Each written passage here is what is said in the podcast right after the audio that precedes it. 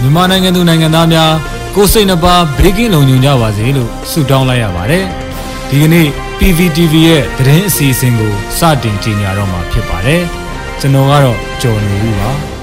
။ပထမဆုံးအနေနဲ့ပြည်ထောင်စုသမ္မတမြန်မာနိုင်ငံတော်အမျိုးသားညီညွတ်ရေးအစိုးရရဲ့ လူသားချင်းစာနာထောက်ထားရေးနှင့်ဘေးအန္တရာယ်ဆိုင်ရာစီမံခန့်ခွဲရေးဝန်ကြီးဌာနနှင့်အမျိုးသမီးလူငယ်နှင့်ကလေးငယ်ရေးရာဝန်ကြီးဌာနတို့၏အင်တာနက်စာမျက်နှာ website များလွှင့်တင်လိုက်တဲ့သတင်းကိုတင်ဆက်ပေးမှာဖြစ်ပါတယ်။ပြည်ထောင်စုသမ္မတမြန်မာနိုင်ငံတော်အမျိုးသားညီညွတ်ရေးအစိုးရရဲ့လူသားချင်းစာနာထောက်ထားရေးနှင့်ဘေးအန္တရာယ်ဆိုင်ရာစီမံခန့်ခွဲရေးဝန်ကြီးဌာနနဲ့အမျိုးသမီးလူငယ်နှင့်ကလေးသူငယ်ရေးရာဝန်ကြီးဌာနတို့ရဲ့အင်တာနက်စာမျက်နှာ website တွေကိုဒီနေ့ထုတ်လွှင့်လိုက်ပါတယ်။ လူသားချင်းစာနာထောက်ထားရေးနှင့်ဘေးအန္တရာယ်ဆိုင်ရာစီမံခန့်ခွဲရေးဝန်ကြီးဌာနရဲ့အင်တာနက်စာမျက်နှာကတော့ mohadm.nugmyanmar.org ဖြစ်ပြီးပင်မစာမျက်နှာဝင်ကြီးဌာနအကြောင်းလူသားချင်းစာနာမှုအကူအညီများအရင်းအမြစ်များသတင်းများမိဖက်အဖွဲ့အစည်းများဆိုတဲ့ခေါင်းစဉ်ခွဲတွေပါဝင်တာကိုတွေ့ရပါတယ်။ပင်မစာမျက်နှာကိုတော့ပြည်ထောင်စုဝန်ကြီးဒေါက်တာဝင်းမြတ်အေးနဲ့ ဒုတိယဝန်ကြီးနော်ထူးဖောတို့ရဲ့သတင်းစကားတွေနဲ့ဖွင့်လှစ်ထားတာကိုတွေ့ရကပြည်ထောင်စုဝန်ကြီးကထိရောက်တဲ့လူသားချင်းစာနာထောက်ထားတဲ့အကူအညီတွေပေးဖို့ဘေးဒုက္ခရောက်နေတဲ့သူတွေကိုကယ်ဆယ်ဖို့ကိုချင်းစာစိတ်ကအရေးကြီးဆုံးပါလို့ပြောထားပြီးဒုတိယဝန်ကြီးကကျမတို့ရဲ့မူဝါဒဟာပြည်သူအလုံးရဲ့လူသားဖြစ်တည်မှုကိုခွဲခြားဆက်ဆံမှုမရှိဘဲလေးစားအတိအမှတ်ပြုရန်နဲ့နိုင်ငံတကာလူ့အခွင့်အရေးနဲ့လူသားချင်းစာနာထောက်ထားရေးပံ့ပိုးမှုဆိုင်ရာစံချိန်စံနှုန်းများနဲ့အညီ အဆင့်အတန်းမြင့်မြင့်နဲ့အကောင်းမွန်ဆုံးအကောင့်ထဲပေါ်မှုတွေဖြစ်ရမယ်လို့သတင်းစကားပါထားတာတွေ့ရပါတယ်။ဝန်ကြီးဌာနခေါင်းစဉ်အောက်မှာတော့ဝန်ကြီးဌာနရဲ့ဖွဲ့စည်းမှုပုံစံနဲ့မူဝါဒရည်မှန်းချက်လုပ်ငန်းတာဝန်နဲ့စံတန်ဖိုးတွေကိုဖော်ပြထားပြီးအရင်းအမြစ်များခေါင်းစဉ်အောက်တွင်ကြေညာချက်များတည်ကောင်းစရာပိုစတာများနဲ့မြေပြင်အခြေအနေမှတ်တမ်းများကိုဖော်ပြထားပါတယ်။သတင်းများခေါင်းစဉ်အောက်တွင်လည်းသတင်းထုတ်ပြန်ချက်များအထူးသတင်းများနဲ့ မိုးလေဝသသတင်းများပါရှိပါတယ်။အမျိုးသမီးလူငယ်နဲ့ကလေးသူငယ်ရေးရာဝန်ကြီးဌာနရဲ့အင်တာနက်စာမျက်နှာကတော့ mowyca.nugmyanmar.org ဖြစ်ပြီးပင်မစာမျက်နှာကျွန်ုပ်တို့အကြောင်းဌာနဆိုင်ရာများအရင်းအမြစ်များနဲ့ဆက်သွယ်ရန်ဆိုတဲ့ခေါင်းစဉ်တွေပါရှိတာတွေ့ရပါတယ်။ website ရဲ့ပင်မစာမျက်နှာမှာအမျိုးသမီးလူငယ်နှင့်ကလေးသူငယ်များထာဝရရှင်သန်ဖွံ့ဖြိုးကြစေသာ ဖက်ဒရယ်နိုင်ငံတော်တည်ဆောက်ရာဒုတွေဥဆောင်ပါဝင်မှာဆိုတဲ့ဝန်ကြီးဌာနရဲ့ဆောင်ပုဒ်ကိုတွေ့ရပြီးဝန်ကြီးဌာနရဲ့ရည်ရွယ်ချက်မျှော်မှန်းချက်စံနှုန်းတန်ဖိုးများနဲ့ဥတီချက်များကိုလည်းဖော်ပြထားပါတယ်။ဌာနဆိုင်ရာများခေါင်းစဉ်အောက်မှာဝန်ကြီးဌာနအတွင်ဖွဲ့စည်းထားတဲ့ပံ့ပိုးထောက်ကူဝန်ဆောင်ရေးမူဝါဒစီမံကိန်းဥပဒေနှင့်သုတေသန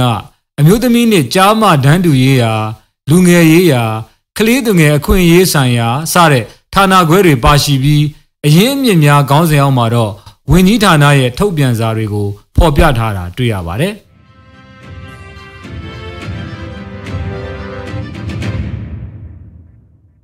CRPH CDM supporting team က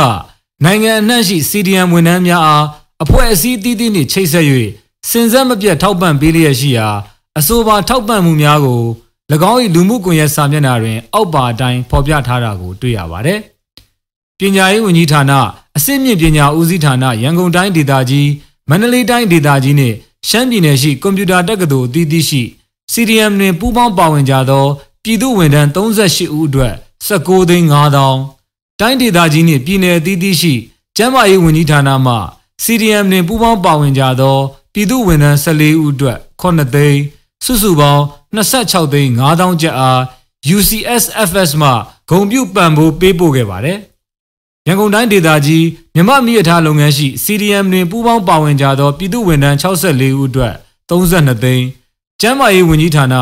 ရန်ကုန်တိုင်းဒေသကြီးနှင့်ချင်းပြည်နယ်ရှိ CDM တွင်ပူးပေါင်းပါဝင်ကြသောပြည်သူဝန်ထမ်း၄ဦးအတွက်2သိန်း9000ကာကွယ်ရေးဝန်ကြီးဌာနရန်ကုန်တိုင်းဒေသကြီးရှိ CDM တွင်ပူးပေါင်းပါဝင်ကြသောပြည်သူဝန်ထမ်း2ဦးအတွက်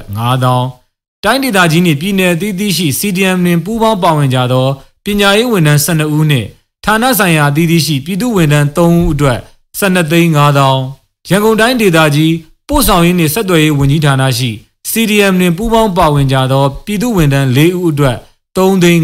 5000ရန်ကုန်တိုင်းဒေသကြီးနှင့်စကိုင်းတိုင်းဒေသကြီးရှိမြို့နယ်စီမံသားယာရေးကော်မတီများမှ CDM နှင့်ပူးပေါင်းပါဝင်ကြသောပြည်သူဝန်ထမ်း9ဦးအတွက်3သိန်း5000လျှက်စစ်နှင့်စွမ်းအင်ဝန်ကြီးဌာနနေပြည်တော်ရှိ CDM နှင့်ပူးပေါင်းပါဝင်ကြသောပြည်သူဝန်ထမ်း4ဦးအတွက် 2သိန်း5000စုစုပေါင်း58သိန်း2000အား Iris မှဂုံပြုပံပိုးပေးပို့ခဲ့ပါတယ်။ရန်ကုန်တိုင်းဒေသကြီးမြမမြစ်ထားလုပ်ငန်းရှိ CDM နှင့်ပူးပေါင်းပါဝင်ကြသောပြည်သူဝန်ထမ်း140ဦးအတွက်83သိန်း9900အား UCS FS နှင့် Iris တို့ပူးပေါင်း၍ဂုံပြုပံပိုးပေးပို့ခဲ့ပါတယ်။ပဲခူးတိုင်းဒေသကြီးမြမမြစ်ထားလုပ်ငန်းရှိ CDM နှင့်ပူးပေါင်းပါဝင်ကြသောပြည်သူဝန်ထမ်း226ဦးအတွက်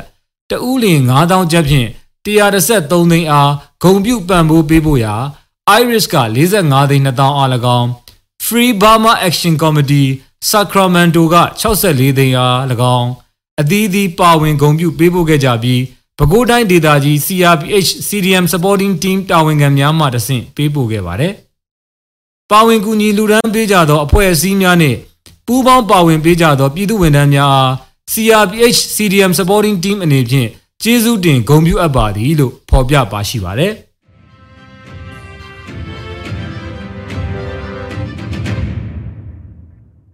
ပြည်ထောင်စုသမ္မတမြန်မာနိုင်ငံတော်အမျိုးသားညီညွတ်ရေးအစိုးရကကြေညာချက်အမှတ်9မြင်းဆောင်2021ကို2021ခုနှစ်ဇွန်လ23ရက်နေ့မှာထုတ်ပြန်ကြေညာခဲ့ပါတယ်။ကြေညာချက်အပြည့်စုံမှာ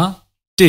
2021ခုနှစ်ဇွန်လ10ရက်နေ့ညပိုင်းတွင် ရှမ်းပြည်နယ်တောင်ပိုင်းနှင့်ကရင်နီကယားပြည်နယ်နယ်စပ်ရှိမိုးပြဲမြို့နယ်အနောက်ဘက်ခြမ်းလွယ်ရင်းတောင်ကြီးတွင်မြန်မာနိုင်ငံဒေသအနှံ့အပြားမှစေတနာရှင်များကစစ်ဘေးရှောင်ပြည်သူများအတွက်ပြည်သူမှပြည်သူတို့ပေးပို့လူဒန်းထားသော စားနပ်ရိက္ခာဆန်အိတ်80ခန်းအပါအဝင်စေဝါပစ္စည်းများနှင့်ကယ်ဆယ်ရေးထောက်ပံ့ရေးဆောင်ရွက်ရာတွင်အသုံးပြုနေသည့်လူနာတင်ကားတစ်စီးကိုအကြမ်းဖက်စစ်ကောင်စီတပ်များကမီးရှို့ဖျက်ဆီးခဲ့ကြောင်းဓာတ်ပုံအထောက်အထားများနှင့်တကွကနဦးသတင်းရရှိပါသည် နှင့်ထို့တူပရိပက္ခဖြစ်ပွားနေသည့်တိုင်းဒေသကြီးနှင့်ပြည်내အသီးသီးမှစစ်ဘေးရှောင်ပြည်သူများနှင့်အတိဒုက္ခရောက်နေကြသည့်ဘေးသင့်ပြည်သူများအားနည်းအမျိုးမျိုးဖြင့်ကူညီထောက်ပံ့ပေးနေသောလူမှုအဖွဲ့အစည်းများနှင့်လူပုဂ္ဂိုလ်များကိုလည်းစစ်ကောင်စီတပ်များကအကြောင်းမဲ့ဖမ်းဆီးအရေးယူခြင်းအကြမ်းဖက်ခြင်းကူညီကယ်ဆယ်ရေးပစ္စည်းများကိုလူရက်ဖျက်ဆီးခြင်းနှင့်ထောက်ပံ့ရေးလမ်းကြောင်းများကိုပိတ်ဆို့တားဆီးခြင်းတို့ကိုအစဉ်တစိုက်ပြုလုပ်လျက်ရှိကြောင်းတွေ့ရှိနေရသည်၃ စစ်ကောင်စီတပ်များ၏ရင်းကဲ့သို့ဥပဒေမဲ့လုပ်ရများသည်မြန်မာနိုင်ငံကလက်မှတ်ရေးထိုးထားသော The Fourth Geneva Convention relative to the protection of civilian persons in time of war of 12 August 1949၏ Article 3ကိုတိုက်ရိုက်ချိုးဖောက်ကျူးလွန်နေခြင်းဖြစ်သည်ထို့အပြင်မြမကာကွယ်ရေးအဥပဒေ1959ပါပြဋ္ဌာန်းချက်များကိုလည်းချိုးဖောက်ရာရောက်ပါသည်ထို့အပြင် မြမကာကွယ်ရေးအဥပဒေ1959ပါပြဋ္ဌာန်းချက်များကိုလည်းချိုးဖောက်ရာရောက်ပါသည်၄ကမ္ဘာကုလသမဂ္ဂအဖွဲ့ကြီးက2021ခုနှစ်မေ21ရက်နေ့တွင်ထုတ်ပြန်ခဲ့သည့်ကြေညာချက်အရအရက်သားများနှင့်အများပြည်သူပိုင်အဆောက်အအုံများကို အကာအကွယ်ပေးရန်နှင့်ဘေးကင်းပြီးတားဆီးပိတ်ဆို့မှုမရှိသည့်လူသားချင်းစာနာမှုအကူအညီများကိုတွာလာခွင့်ပေးရန်ဆိုသည့်တိုက်တွန်းချက်ကိုလည်းလုံးဝလစ်လျူရှု၍ကျူးလွန်ဖောက်ဖျက်နေခြင်းဖြစ်သည် ထို့အပြင်ကုလသမဂ္ဂလူအခွင့်အရေးဆိုင်ရာမဟာမင်းကြီးကလည်းကရားပြည်နယ်မှစစ်ဘေးရှောင်ပြည်သူများ၏လူသားချင်းစာနာမှုအကူအညီများကိုစစ်ကောင်စီတပ်သားများကတားဆီးပိတ်ဆို့ခြင်းများဆောင်ရွက်နေသည့်အပေါ်တတိပြုစိုးရိမ်ကြောင်း2021ခုနှစ်ဇွန်လ12ရက်နေ့တွင် ထုတ်ပြန်ကြေညာခဲ့ပါသည်။ငါ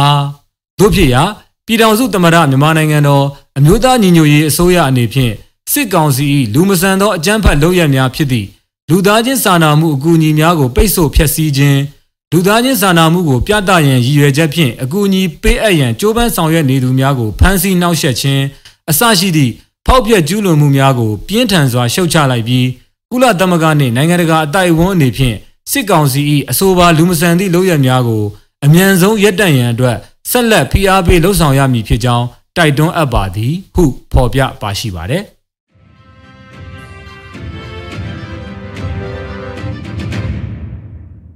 ပြည်ထောင်နိုင်ငံတွင်ကျင်းပသော American, ဗြိတိန်၊ကနေဒါ၊ဂျပန်၊အီတလီ၊ဂျာမနီ၊ပြင်သစ်တို့ပါဝင်သည့်48ကြိမ်မြောက် G7 ထိပ်သီးအစည်းအဝေးက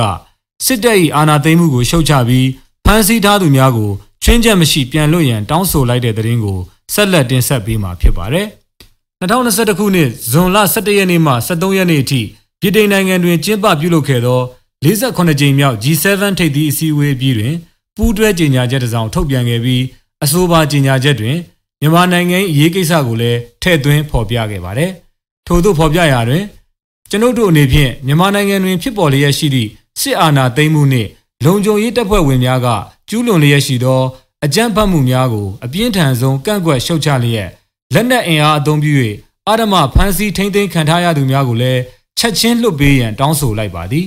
မိမိတို့အနေဖြင့် တည်ငြိမ်အေးချမ်း၍စစ်မှန်ပြေဝသောဒီမိုကရေစီအတွက်ငြိမ်းချမ်းစွာလှုပ်ရှားဆောင်ရွက်နေသူများကိုထောက်ခံအားပေးသွားမည်ဟုကတိကဝတ်ပြုအပ်ပါသည်အရှိတောင်အာရှနိုင်ငံများအသင်းအာဆီယံ၏အချက်အချာကျသည့်အခမ်းကဏ္ဍအားပြန်လည်စဉ်းစားရာတွင်အာဆီယံ၏ဘုံသဘောတူညီချက်၅ချက်ကိုကြိုဆို၍မြန်ဆန်သောအကောင့်အထည်ဖော်ဆောင်ရွက်မှုကိုတိုက်တွန်းလှုံ့ဆော်အပ်ပါသည်ထို့ပြင်ဖွံ့ဖြိုးတိုးတက်ရေးဆိုင်ရာထောက်ပံ့ကူညီမှုများနှင့်လက်နက်ရောင်းချမှုများသည် တက်မတော်အားအကျိုးဖြစ်ထွန်းစေမည်မဟုတ်ဟုသောမိမိတို့၏သဘောထားကိုလည်းထက်လောင်းအတည်ပြုအပ်ပါသည်တို့ဖြစ်ပါ၍အခြားနိုင်ငံများအနေဖြင့်လည်းအဆိုပါအရေးကိစ္စနှင့်ပတ်သက်၍မိမိတို့၏လှုပ်ဆောင်ချက်အတိုင်းအထူးဂရုပြုလိုက်ပါဆောင်ရွက်ရန်တိုက်တွန်းအပ်ပါသည် G7 အဖွဲ့ဝင်နိုင်ငံများအနေဖြင့်လိုအပ်ပါက အခြားသောဆောင်ရွက်ချက်များကိုစီးလုံးညီညွတ်မှုရှိစွာဖြင့်ထပ်မံဖြည့်ဆွတ်ဆောင်ရွက်သွားမည်ဟုလည်းထပ်လောင်းအတည်ပြုအပ်ပါသည်အထူးသဖြင့် မိမိတို့အနေဖြင့်မြန်မာနိုင်ငံတွင်လက်ရှိဖြစ်ပေါ်နေသောလူသားချင်းစာနာထောက်ထားမှုဆိုင်ရာအခြေအနေနှင့်ပတ်သက်၍အလွန်တရာစိုးရိမ်ပူပန်ရသဖြင့်အားနည်းသောအတိုက်ဝန်းများနှင့်အိုးပစ်အိမ်ပစ်စွန့်ခွာထွက်ပြေးတိမ်းရှောင်နေရသူများအတွက်အနှောင်အဖွဲ့ကင်းသောလူသားချင်းစာနာထောက်ထားမှုဆိုင်ရာအကူအညီများလက်ခံရရှိစေရေးနှင့်လူသားချင်းစာနာထောက်ထားမှုဆိုင်ရာတုံ့ပြန်ရေးအစီအစဉ် Humanitarian Response Plan ကိုထောက်ခံအားပေးရန်တောင်းဆိုကာအခြားသူများကလည်းအားဖြည့်ပါဝင်ကြပါရန် တိုက်တွန်းနှိုးဆော်အပ်ပါသည်ဟုပါရှိပါသည်။